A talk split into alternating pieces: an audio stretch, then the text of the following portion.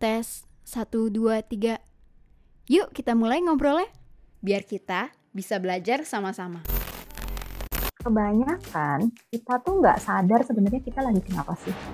Karena memang si toxic positivity ini sebenarnya di Indonesia sendiri dianggap dalam tanda kutip normal dan wajar. eh, emang udah waktunya kita untuk choose a different and better path ya. Dan jangan lupa follow Instagram kita at mindtalks.podcast.